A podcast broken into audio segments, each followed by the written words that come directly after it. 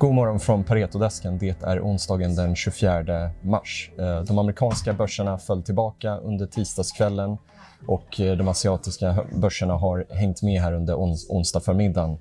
Eh, antalet covid-19-fall har fortsatt att öka i många delar av världen och det bidrar till fortsatt oro och potentiellt ökade lockdowns i kontinentaleuropa.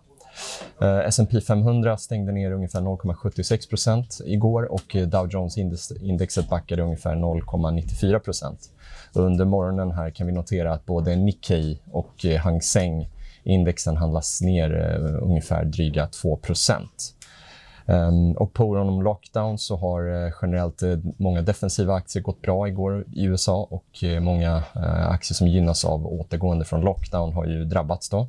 Oljepriserna var ner som mest 6 och Brenten handlas här under morgonen kring 61,50 dollar per fat.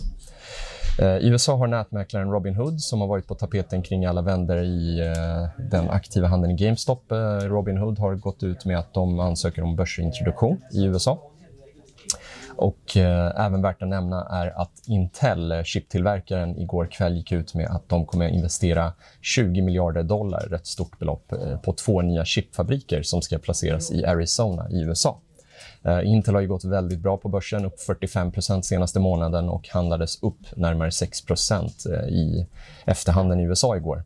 Eh, och det här spelar ju också lite på de eh, eh ja, diskussioner man har haft eh, efter corona om att flytta hem mycket av produktion från offshore markets till, till hemmamarknaderna. Så vi får se om det potentiellt kan fortsätta på andra branscher och ha en inflationsbidragande effekt på lång sikt.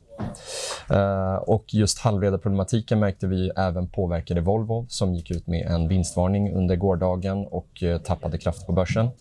Här under morgonen har eh, vi sett eh, på bred front att eh, många analysfirmor gör nedåtrevideringar av Volvos riktkurs. Stockholmsbörsen ser ut att öppna ner 0,5 så ungefär en halv procent här vid 8.20-tiden.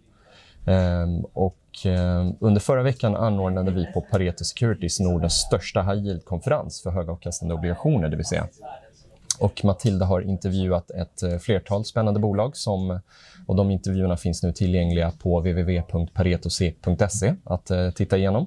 Ett av bolagen som intervjuades var VNV Global med vd Per Brilliot. Um, så vi avslutar dagens sändning med, eh, med ett urklipp ur den intervjun. Tack för idag. Per Brilliot, du är vd på VNV Global. Ja. investmentbolag. Berätta vad ni investerar i för typ av bolag. Vi investerar i bolag som um ja, som har den här, eh, som har nätverkseffekter eh, som är inspirerat av vårt innehav i Avito som är då, ja, fortfarande är, men var för oss, vi sålde för två år sedan, eller för två år sedan, som är ryska Blocket, Hemnet, Bilbörsen, allt i ett egentligen. Lite mer som Finn i, i Norge som också har alla vertikaler i ett.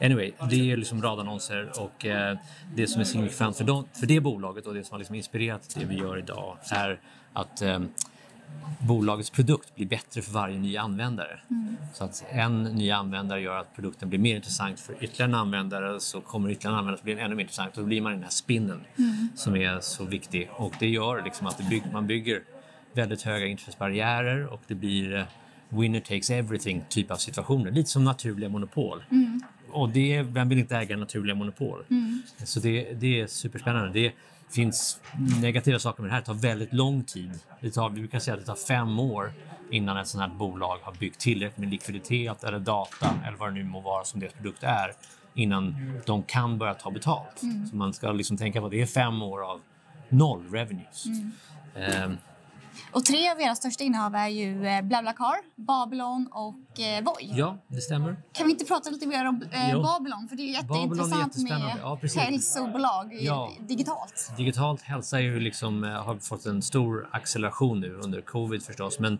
det var ju någonting som skulle hända ändå. Mm. Hälsoindustrin är liksom kanske digitaliserad på som e-commerce var 2000, mm. 1 procent eller single digit i alla fall och den kommer, liksom, den kommer gå till 100 procent. Mm.